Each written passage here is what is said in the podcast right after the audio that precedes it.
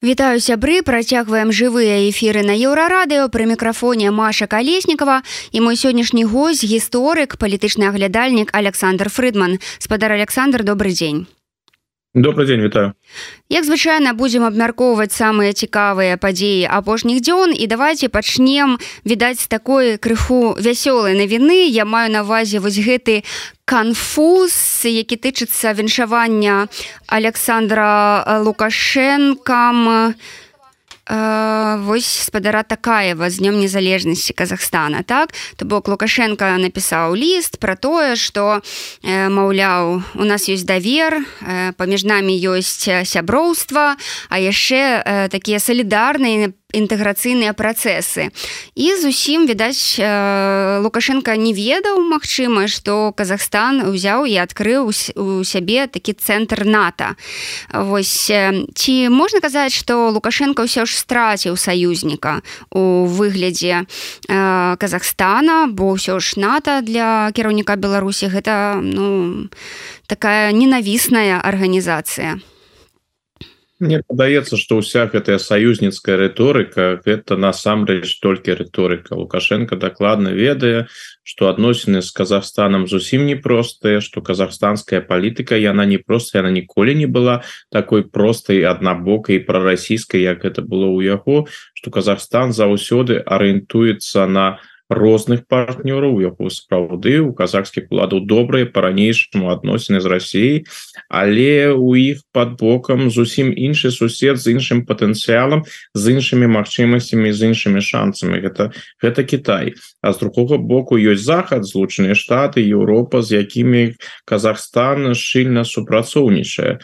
Таму вся гэтая рыторыка яна заўсёды існавала але да і гэтай рыторыкі я бы ставіўся так досыць э, скептычна бо больш чым рыторыка гэта гэта не гэта не тое что нешта большее нешта большее за рыторыку. Ну і канешне лукашенко гэта з аднаго боку не падабаецца тое что Казахстан пашырае свае адносіны з захадам і выйграе за кошт нашай сённяшняй сітуацыі якая склалася у Еўропе. Безумоўна тая пазіцыя якую займае Казахстана гэта адрозня ад лукашэнкі сапраўды нейтральная нейтральная пазіцыя. Казахстан не уводзіць санкцыі супраць супраць Росіі але ён сочыць за тым ну пераважна сочыць прынамсі імкнецца сачыць каб гэтыя санкцыі не парушаліся. Ён не падтрымаў расійскую так званую спецыяльную военную аперацыю і за гэты гэтым чынам палепшу адносіны адносіны захадам лукашенко гэта з аднаго боку не падабаецца а з другога боку ён можа давесці Росіі что сапраўды ў Росіі састаўся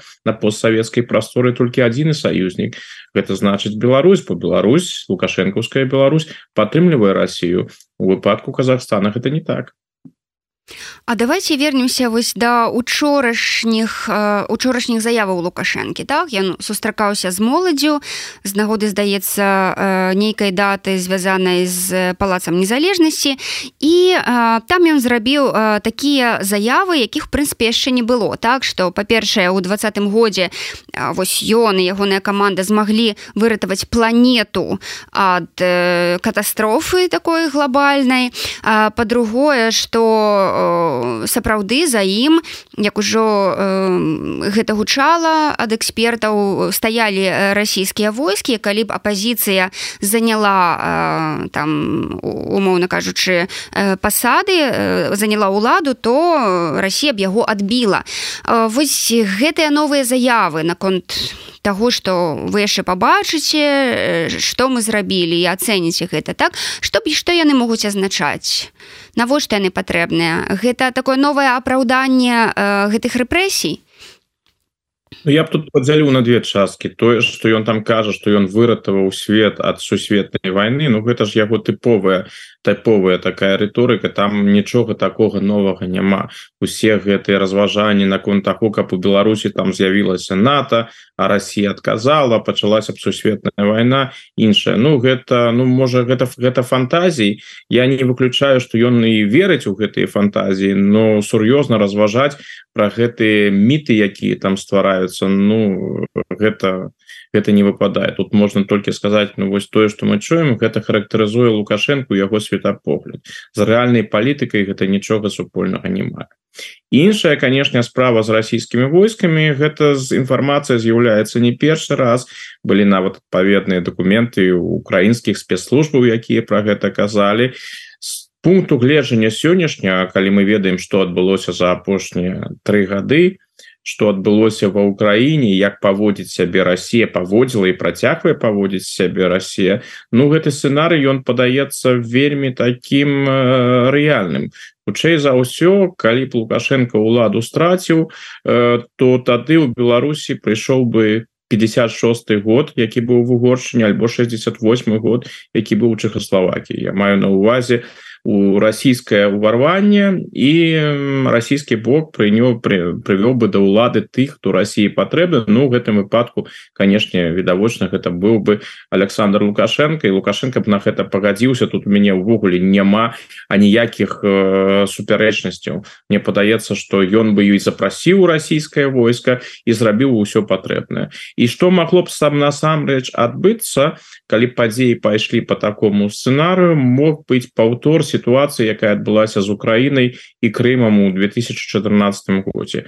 Канешне расійскія войскі прыйшлі бы ў Беларусь і яны бы задушылі пратэсты і беларускае войска на хутчэй за ўсё ніякага супраціву расіянам не аказала а нават частковыя часткова можа і падтрымала бы расійскі бок. У гэтым выпадку могла адбыцца і акупацыя і анексія Беларусі. Ну гэта ўсё ж ізноў жа ізноў жа гіпатэтычна. У двадцатым годзе тыя эксперты якія зыходзілі з таго что Россия калі что пагадзіцца на то каб лукашенко страціў уладу яны перш за ўсё мелі перад вачыма армянскі сцэнарый дзе сапраўды Россия ў выніку пагадзілася з прыходам Нікола пашыняна да ўлады. Ну сённяшняго пункту гледжання відавочна что ніякага армянскага сцэнарыя ў Беларусі быць не магло что падзеі ў Беларусі успрымаліся расійскім бокам таксама як успрымаўся еўрамайдан ва ўкраіне то бок умяшальніцтва России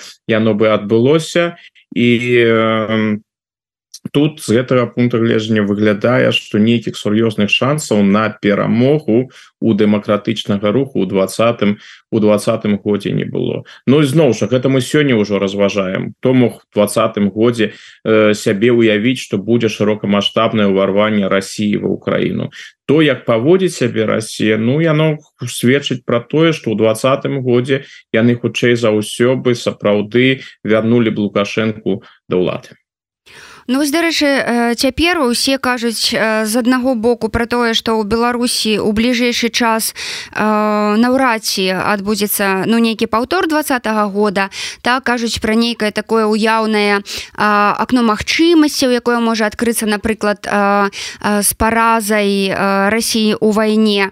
Аднак ці вось на ваш погляд сапраўды беларусы ўсё ж гатовыя для нейкіх нейкіх наступных э, таких выступаў ці ўсё ж ёсць гэтая такая э, дэпрэсія і э, ёсць ж ужо такі такой э, адсутнасць веры у тое што нешта можа змяніцца? Ну с верай сапраўды справа дрэнна выглядае. Мы ж бачым якія падзеі у Беларусі адбываюцца і вакол Беларусі. Ідзе вайна з тое что адбываецца ўнутры Беларусі тыя людзі якія супраціўляліся яны сталі язны сталі яны апынуліся за кратамі і гэтыя працэсы працягваюцца колькасць уцікачоў яна з вялікая нават калі прадстаўнікі ўлады той же карпянкоў сыходзіць з таго что 350 тысяч чалавек тысяч чалавек пакінула пакінула Беларусь. Ну у таких умовах там шукаць нейкі аптымізм Ну гэта сапраўды цяжка тым больш что па шчырасці мы ж бачым як разгортваюцца дадзены момант падзеі на фронте так асаблівых прасоўванняў там няма ні з расійскага боку не з украінскага боку. Ну пакуль не выглядае так что Украіна хуткім чызе хуткім у хуткім часе атрымае перамогу ў гэтай вайне Ну тут мы павінны разумець что означае перамога калі вось гэтае в акно магчымасці яно з'явіцца яно з'явіцца у выпадку тотальнай паразы Расійскай Федерацыі у выпадку капітуляцыі Расійскай Федерацыі Ну пакуль нічога не гаворыць про тое что гэтая капітуляцыя э, адбудзецца бліжэйшым часам тое что калі людзі у той же Беларусі і беларусы по-за межамі краіны калі яны глядзяць на сітуацыю бачыць якая яна ёсць но ну, тут таких сур'ёзных подстав для аптымізму конечно няма але з другого боку беларускае грамадства існуе ва умовах дыктатуры існуе ва умовах вельмі жорсткай дыктатуры ацэніць настроі насельніцтва ў таких умовах вельмі цяжка калі ў Беларусі будуць праводзіцца там нейкія апытанні яны ж распораз праз інтэрнет праводзяцца тут трэба вельмі асцярожна ставіцца да іх вынікаў. Яны могуць вызначаць тэндэнцыі пэўнай тэндэнцыі у грамадстве але не больш. а по вялікім рахунку мы не ведаем что адбываецца з беларускім грамадствам бо людзі ў сённяшніх умовах яны мусяць себе паводзіць адпаведным чынам каб у гэтым грамадстве увогуле выжыць каб не потрапіць под под рэпрэсій з другога боку зразумела что пасля падзею двадцатого года у беларускім грамадстве павінна быць распаўсюджана нянавісць. Пасля того вось траўмы якое гэтае грамадство у двадцатым годзе перажыла пакуль пераасэнсаванне гэтага немагчыма але гэта азначае что при пэўных абставінах калі становішча зменится калі напрыклад у такого ж лукашэнкі альбо у важных фігураў з яго атачэння з'явятся праблемы відавочныя праблемы со здароўем альбо рэжыму пэўнай ступені мусіць вымушаны будзе змусе прынізіць зменшыць гэты гвалт і іншае тады Мачыма мы побачым зусім іншыя тэндэнцыі ў грамадстве. Таму я бы ставіўся вельмі вельмі асцярожна. Тое что мы зараз не назіраем у Беларусі нейкай пратэснай актыўнасці но яна просто ў сённяшніх умовах немагчыма. Гэта аднак не значыць что тыя люди якія засталіся под той бок беларуска-польскай мяжы беларуска-літоўскай беларуска-латвійскай мяжы что яны цалкам задаволены сённяшняй сітуацыі і гатовыя далей суіснаваць лукашенко спадар Александр мы уже як бы памятаем і 2006 і 10 гады так і таксама вось гэтыя затрыманні і тэрміны. Аднак заўсёды была вось тая самая адліга про якую часта любяць разважаць і аналітыкі і людзі якія цікавяцца палітыкай так? э, прайшло тры гады пасля пратэстаў двадцатого года. Вось чаму ўсё ж э, ніякай адлігі няма? Падаецца вось ідуць выбары ну магчыма нейкія гайкі ўжо можна было б крыху і адкруціць Праўда? Э, чаму э, вось рэжым працягвае наадварот яшчэ больш ціснуць на беларусаў? а Мне падаецца ёсць прынцыповая розніца паміж падзеямі першага шостага десятого году і падзеямі двадцатого года. У першым шостым десятым годзе у лукашэнкі былі непрыемнасці. Ён захаваў захаваў уладу і так былі пратэсты але было прынцыпе зразумела что лукашенко ва ўладзе захаваецца что яго хапае эмоцыі что его хапае і спецслужбаў і іншае. То бок і ў 25001 у шостым у десятым годзе рэжым не пахіснуўся ён адказаў на выступы дэмакратычных сілаў на на пратэсты рэпрэсіямі а потым калі ён упэўніўся ў тым что ён ужо ў стабільным стане что ўсё нормально что можна паспрабаваць у гэтай сітуацыі пагандляваць захадам палепшыць становішча на заходнім накірунку пачана пачыналася так званая адліха у выпадку двадцатого года мы маем справу з іншымі фактарамі першая гэтыя падзеі сапраўды былі для лукашэнкі шокам.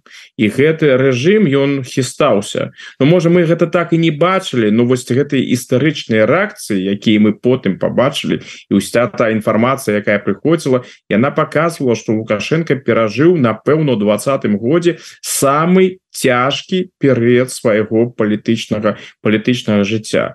Мы можем доўга спрачацца про тое ці быў пратэстоўцаў у жніўні два года рэальны шанец але лукашенко успрыняў гэта як ну выклік вельмі сур'ёзны выклік для сваёй улады. Відавочна что тыя акцыі якія былі калі нават людзі яму у вочы казалі каб ён сыходзіў ён про гэта не забыўся. І вось гэтые вось гэты вопыт двадцатого году ён яго пераследуе Мне падаецца что лукашенко яго атачэнне яны панічна бояться того что нешта такое можа паўтарыцца Таму яны не могуць спыніцца яны просто не могуць спыніцца бо яны для сябе лічаць вось калі мы зараз спынемся будзе нейкая нават касметычная лібералізацыя у гэтым выпадку можа нешта адбыцца непрыемныя падзеі могуць паўтарыцца.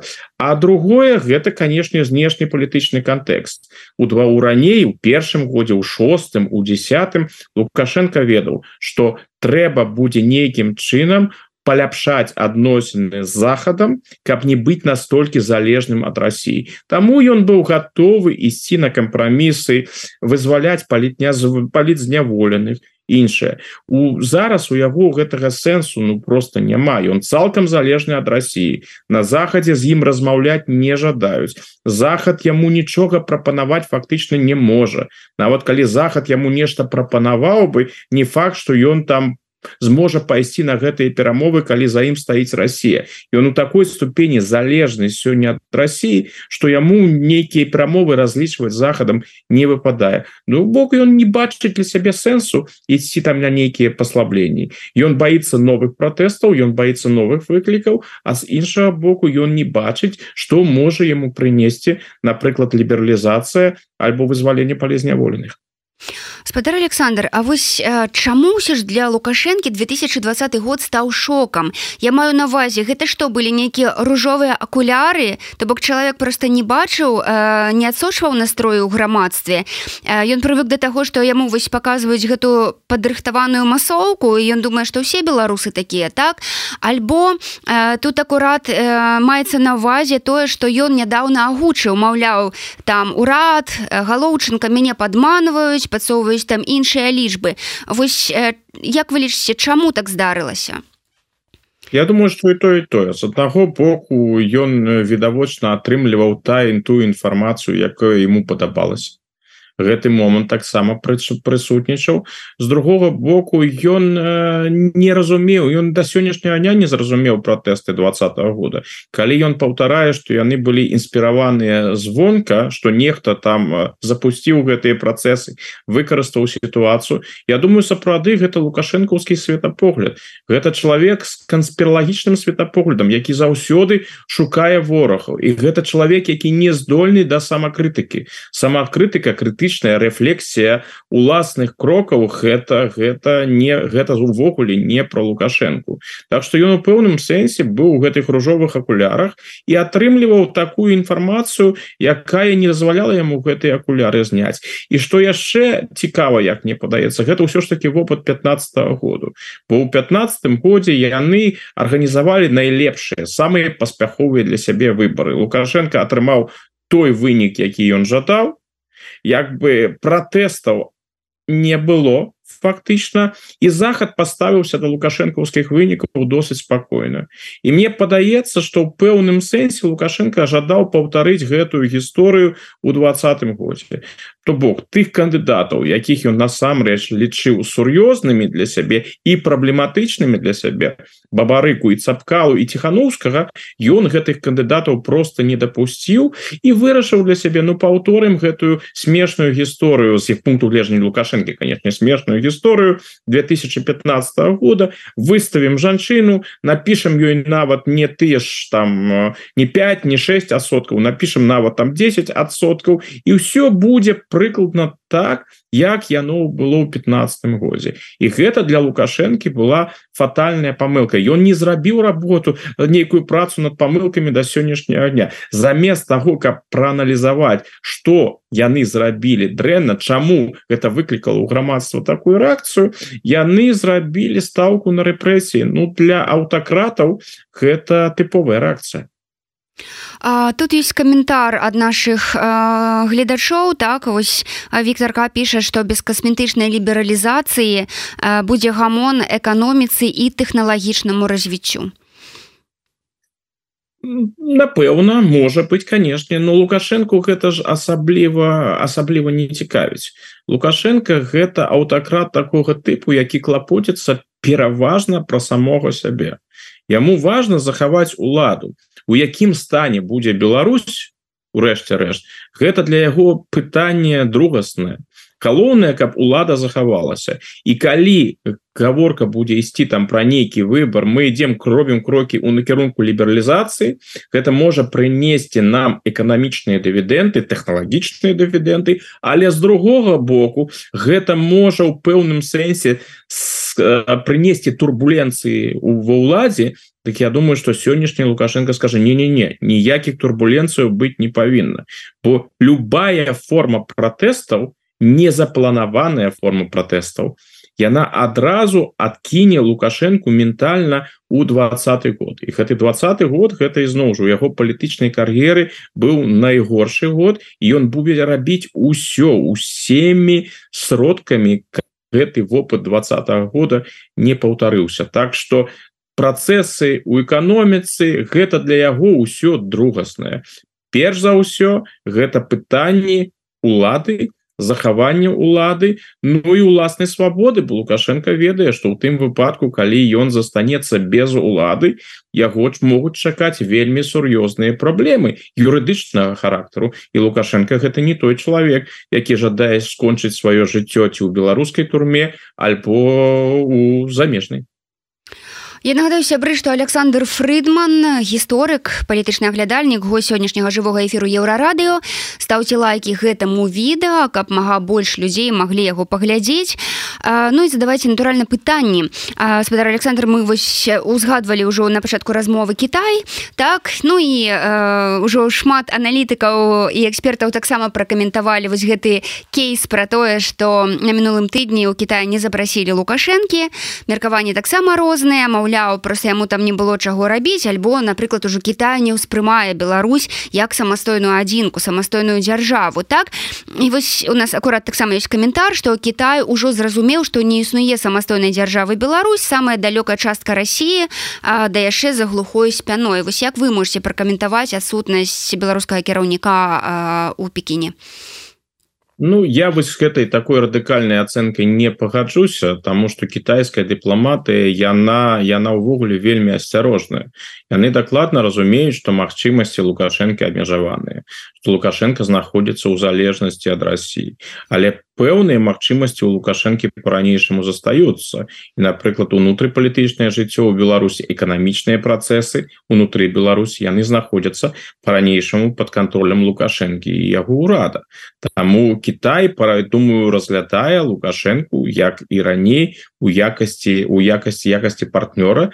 Тым больш что лукашенко сам ён робіць усё каб мець добрыя адносіны з Китаем Мне падаецца что тое что яго не запросілі мае сапраўды вельмі мае гэта празаічная гісторыя. Гэта не гісторыя про тое что Китай яму там хацеў нешта показаць калі б яны хацелі яму нешта показаць яны б яму гэта сказали у вочы Вось гэта іх палітычны стыль. Яны не робяць нейкія там вось такія складаныя камбінацыі. Яго не сапрасілі бо яму там сапраўды няма чаго было рабіць. Яны лічаць што ў дадзеным кантэксце Беларусь не з'яўляецца важной дзяржавай таму яго і не запрасілі. Раней яго ж запрашалі у яго ж там былі сустрэчы і нават паспяховыя сустрэчы. Вось зусім нядаўна былы ж міністр міністр э, обороны Китая лішанфу прыязджаў да лукашэнкі Так что пакуль мне падаецца усе гэтыя разважанні про тое что лукашенко там спісалі лукашенко больш не заўважаюць з лукашэнкам не жадаюць мець справу. Гэта хутчэй хутчэй ўсё ж таки спекуляцыі А, давайте яшчэ вернемся вось да нядаўняй сустрэчы Святланы ціхановскай з урсулай фондер ляен так а, дзе еўрапейская палітык заявіла што вось Еўропа Еўросаюз будуць падтрымліваць Беларусь да самага конца незалежную Беларусі маю навазе Ну і пасля гэтага таксама многія эксперты пачалі гаварыць што ўсё ж вось у Еўропе пачала ўжо складацца нейкая такая доўгатэрміновая стратэгія якая тычыцца незалежнай беларусі. Ці так гэта на ваш погляд? І што азначаюць вось гэтыя словы спадарэння урсулы? Ну не, не хацелася просто расчароўваць наших э, тых людзей якія глядзяць наш наш эфир но ўсё ж таки я б тут ізноў уже не перабольшваў. Гэта добрыя прыгожыя словы. І урсла фондерляйн яна гэта добра можа рабіць. Яна такія словы э, кажуць у адносінах да іншых краінаў якія з'яўляюць якія якія пакутваюць под дыктатарскімі рэжымамі. На у адносінах да Украіны таксама заўсёды прысутнічае гэтая формулёўка што будуць падтрымліваць столькі сколькі патрэбна пакуль не будзе такого выніка які які чакае чакае Украіна зразумела Европа еўразвяз яны цалкам зацікаўлены у дэмакратызацыі Беларусі. Еўразвяз жадае мець дэмакратычную вольную арыентаваную на захад Беларусь у якасці свайго суседа. Потым на будучыні пры спрыяльных умовах можна будзе нават калі-небудзь Мачыма паразважаць про тое ці бае можа быть у Беларусі будучыня ў складзе еўразвяза калі будучы дэмакратычны беларускі ўрад сапраўды пожадае мець такія адносіны что не абавязкова але але Мачыма пакуль же сітуацыя зусім іншая. У Европе дакладна ведаюць як якія працэсы адбываюцца ў Беларусі еўрапейцы жадалі бы захаваць незалежную беларускую дзяржаву але магчымасці ўплыва у еўрапейцаў яны вельмі абмежаваны. Яны дакладна ведаюць что лукашенко знаходзіцца палітычна вельмі под моцным расійскім уплывам у военной галіне. Іншае яны ведаюць что что яны могуць асабліва зрабіць. Перамовы з лукавесці з лукашэнкам асаблівага сэнсу не мае Таму что першае няма даверу акрамя таго ступеня самастойнасці лукашэнкі под пытанням уводзіць новыя санкцыі Ну гэта магчыма інструментары Ну пакаж відавочна что тыя санкцыі якія супраць рэжыма лукашэнкі уводзіліся яны безумоўна паўплывалі на эканамічнае жыццё ў Беларусі яны паўплывалі на становішча людзей у Беларусі і шматлікія беларусы адчулі на сябе гэтыя санкцыі але по э, да палітычных зменаў гэтыя санкцыі не правялі але гэты інструментарый безумоўна застаецца калі лукашенко будзе правакаваць захад калі ізноў будзе працягвацца міграцыйны крызіс альбо міграцыйны крызіс выйдзе на новы ўзровень то тады Мачыма еўразвяз вярнецца і да гэтага інструментарыя санкцыяў. Але пакуль у сённяшняй замарожанай сітуацыі еўрапейцам застаецца толькі казаць тут выказаць про тое что яны падтрымліваюць будучую дэмакратычную Беларусь Беларусь хотели б захаваць Беларусь у якасці дэмакратычнай дзяржавы. Гэта словы прыгожыя словы больш чым гэтыя словы у дадзенай сітуацыі еўрапейцы зрабіць не могуць давайте вернемся до сітуацыі э, у літве якая тычыцца беларусаў там канешне ўсё вельмі цікава но відаць таму что беларусаў там шмат таму вось гэтая такая нейкая гульня адбываецца так? Ну па-першае літоўцы па паводле апытанкі заявілі што яны ставяцца да беларусаў крыху горш чым да украінцаў і да выхадцаў з краін цэнтральнай Азіі так? Потым 60соткаў літоў літоўцаў заявіла што яны выступаюць супраць э, таго каб беларусы так часта да іх ездзілі так? Ці беларусам давалі вось э, так лёгка прытулак у літве. Э, вось. Потым вось гэта ўся сітуацыя з ліцвінізмам і у той же час Святлана ціхановская напрыклад вось учора мела сустрэчу э, узяла удзел у мерапрыемстве беларусі беларусы пасля два -го года у віленскім універсітэце і вось там яна зноў такі звярнулася да уладаў літвы з просьбай змякчыць вось гэты момант звязаны з легалізацыяй беларусаў у літве так падтрымліваць беларускія арганізацыі у выгнанні і змагацца з лукашэнкаўскай дэзінфармацыі Вось як на ваш погляд гэтыя ўсе моманты карэлююцца так і чым чаму ўсё ж літоўскае грамадства не можа вызначыцца вось з гэтым стаўленнем да беларусаў Ну тут па-першае што ўплывае на стаўленне літоўскага грамадства? Настаўленне літоўскага грамадства уплываюць паводзіны беларускіх уладаў.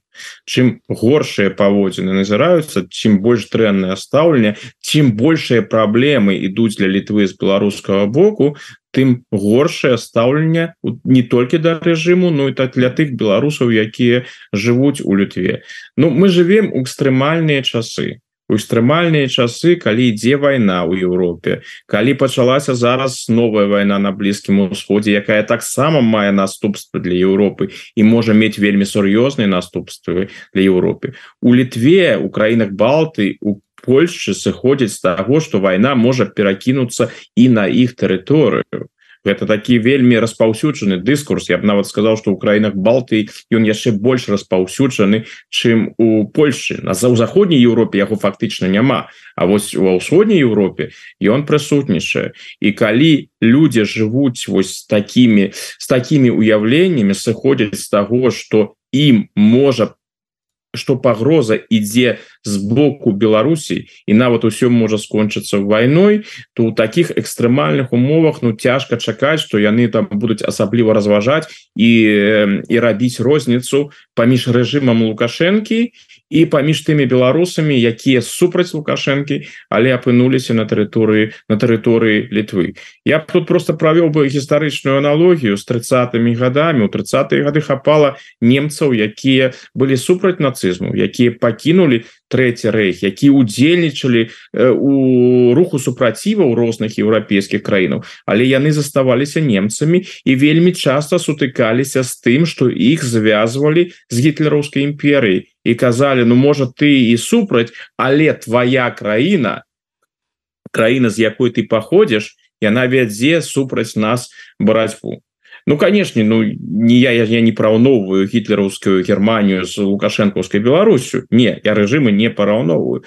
я параўноўваю успрыняцце і мы павінны разглядаць сітуацыю рэальна якая яно есть. Паколькі рэжым лукашэнкі будзе хутчэй за ўсё працягваць акцыі супраць літвы гэтыя адмоўныя настроі яны будуць толькі ўзмацняцца. Ну уявіце сябе сітуацыю про якую зараз раз пораз раз разважаюць люди якія займаюцца праблемамі міграцыі у заходняй Еўропе калі сапраўды будзе такая акцыя трансферу уцікачоў з сектора газы праз Егіпет у Беларусь. І потым гэтыя людзі як это было ўжо 2021 годзе с выхадцамі з Сірыі Куртыстану пачнуць штурмаваць беларуска-літоўскую мяжу спрабаваць пранікнуць і у літве будуць дакладна зразумець што гэта будзе праект Пуціна і лукашэнкі Ну у гэтым становішчы хто там асабліва будзе адрознівацца яшчэ яшчэ больш моцнымі будуць антыбеларускія настроі і ніхто там асабліва ўжо не будзе на жаль браць под увагу ці гэта прадстаўнікі рэжыма альбо гэтыя людзі якія спасаліся ад рэжым это вельмі дрэнная сітуацыя вельмі складаная і вельмі несправядлівая сітуацыя я вельмі добра зразумею эмацыйны стан беларусаў якія пакінулі ў 2020 21 годзе Беларусь з прычыны дыктатуры апынуліся ў літве і зараз у літве вось атрымліваюць так бы мовіць квіток у двукосці за гэты рэжым там негатыўныя эмоцыі іншых гэта абсалютна несправядліва гэта вельмі дрэнна але на вялікі жаль вось такую палітычную рэчаіснасць маем мы сёння у Еўропе і людзі простыя людзі якія да гэтага рэжыму яго дзеянняў недатычныя яны яны терпяць праз это у нас ёсць яшчэ пытанні ад наших гледачоў. Скажите калі ласка ці ёсць шанец что не пачнецца сусветная вайна? Чым больш назіраю за светом тым больш падаецца что амаль вось гэтае ўсё жахлівае толькі пачынаецца Ну шанец безумоўна ёсць скажем так ситуация яна вельмі напружаная конечно і вельмі дрэнная тут э, можна казаць трэба казаць гэта адкрыта але тое что ўсё скончыцца третьей сусветнай войной Ну гэта гэта зусім не вырашана. Так вектор вектор вектор падзею ён ён дрэнны. Але за надзея застается застается по-ранейшаму і з надзея і і спадзяванні конечно шансы есть давайте спадар Александр э, вернемся до ситуации ў Ізраілі тое что я сёння паспела глянуць что эрдаган э, меў паехаць у Ізраиль так ён адмяніў гэтую поездку і назваў баевікоў хамаса вызвалителями что вось азначае э, гэты гэты ўчынак эрдагана так? Наколькі у цяпер пасля вось такой заявы напрыклад у турцыі пагоршыцца адносіны з захадам Ну па-першае эртаган э, эртаган мусіць выказвацца ў такім накірунку бо ён ведае настрой у сваім грамадстве. Ён даўно займаецца гэтай палестынскай тэмай. І он зрабіў усё каб гэтая тэма у турэцкай э, грамадскай думкі прысутнічала. Ён распальваў адмыслова з палітычных прычынаў антыізраільскія э, анты антыізраільскія настроі. Зараз яны вельмі моцныя ў турэцкім грамадстве. І вось такія крокі як ён робіць што вось ён тут туды не паедзе ён вельмі крытычна выказваецца наконт Ізраіля ён нават выказвае спачуванні сімпатыі хамасу. Ён ведае что турэцкай что шмат каму у Турцыі гэта спадабаецца і адначасова ну гэта ардаган ён шмат чаго кажа але мало што робіць. І ён больш ён вельмі так актыўна прыбягае да розных рытарычных метадаў як як звычайны папуліст але такія заявы яны могуць канешне мець на наступствы у Ізраілі ставятся та таких заяваў вельмі сур'ёзна і адносіны відавочна пагоршацца. Но яны ўжо даўно пагаршаюцца. Наадварот апошнім часам палепшыліся сур'ёзна палепшыліся адносіны Ізраіля з адным з галоўных праціўнікаў э, Турцыі ў Еўропе з Грэцыі напрыклад. Там вельмі шчыльна ідзе супрацоўніцтва паміж паміж Ізраілем і Грэцыяй у розных галінах у тым ліку і у военных что тычыцца рэакцыі захада ну там яе ейна паглядзець на гэта зразумела для сябе адзначыць але я не думаю что будзе там нехта так ужо моцна выказвацца альбо крытыкаваць эрдагана.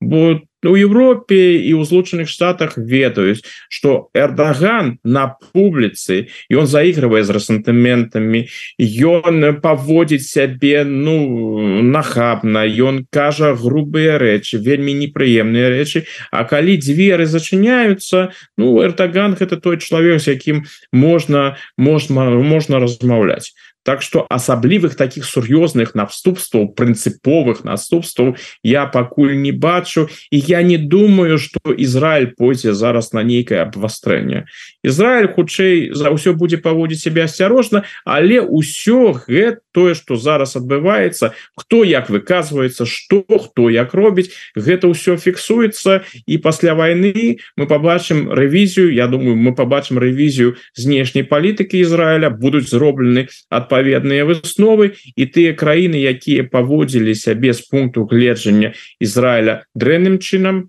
дрэнна паставіліся да Ізраіля яны атрымаюць адпаведныя адносіны.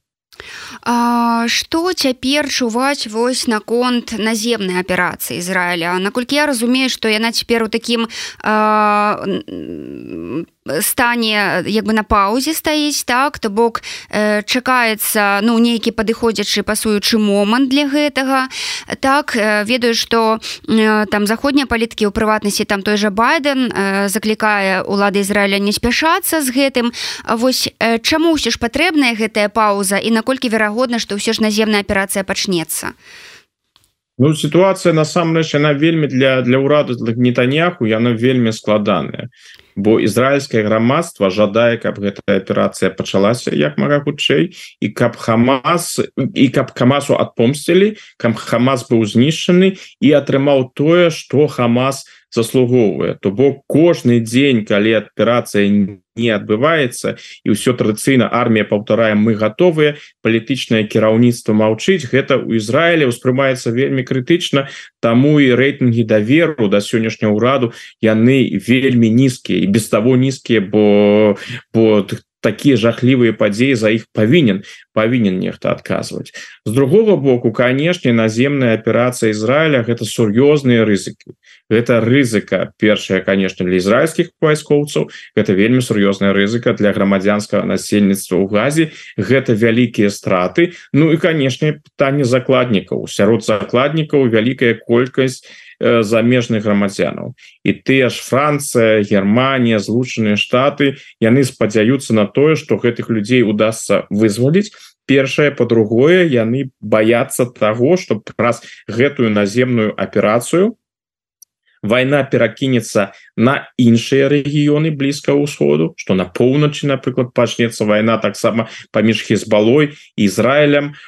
Таксама не выключана война паміж Ізраілем і Іранам і еўрапейцы асабліва еўрапейцы баяцца того что гэтая война можа прывесці да абвастрэння у еўрапейскіх краінах асабліва ў заходнееўрапейскіх краінах дзе ўжо праходзяць дэманстрацыі і сітуацыя сапраўды вельмі напружаная а ў выпадку наземнай аперацыі і вялікіх ахвяраў і адпаведнай прапагандысцкай кампаніі з боку хамасу мы можем атрымаць нават ну не паўстанні але пагромы і іншыя гэтае у гэта ў заходняй Еўропе не выключана. Гэтая дастабілізацыя тым больш что тая ж расійская прапаганда робіць усё каб сітуацыю яшчэ больш на захадзе абвастрыць у таких умовах конечно еўрапейцы паводзяць сябе вельмі асцярожна але адначасова разумеюць что у сённяшняга ізраильскага урада дарэчы у любого ізраильскага урада як мне падаецца ну просто няма іншага выйсця.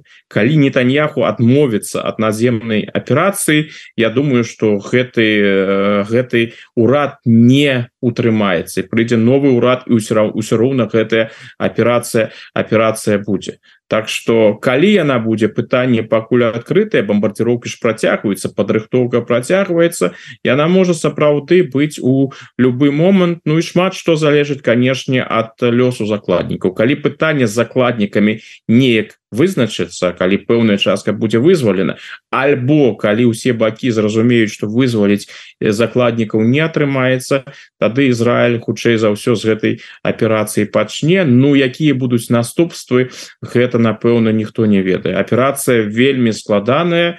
У таких умовах э, весці войну таких тэрыторыях у гарадской у гарадской прасторы Ну гэта сапраўды вельмі цяжка і гэта звязана з вялікай колькасцю ахвяраў. Спадар Александр А чаму вось цяпер усё ж гэтая сітуацыя ва ўкраіне вайна ва ўкраіне адышла у сувязі з падзеямі ў Ізраілі на другі план у сусветнай павесцы Таму што гэта проста новая сітуацыя ці таму што Ізраіль напрыклад больш там важны для краінаў з захаду чым Украіна Ну, з аднаго боку гэта новая сітуацыя з другога боку канешне партнёрства Ізраіля з злучанымі штатамі і з еўрапейскімі краінамі яно больш шчыльнае чым партнёрства Украіны. Ну і галоўны фактор як мне падаецца ўсё ж таки ён у тым что тая вайна якая адбываецца зараз на блізкім уходзе усходзе яна ім яна мае вельмі сур'ёзны патэнцыял каб перарасці у вайну сусветную. Паколькі гэтая вайна краная арабскія краіны гэтая вайна краная арабскі свет увесь увесь мусульманскі свет увесь мусульманскі свет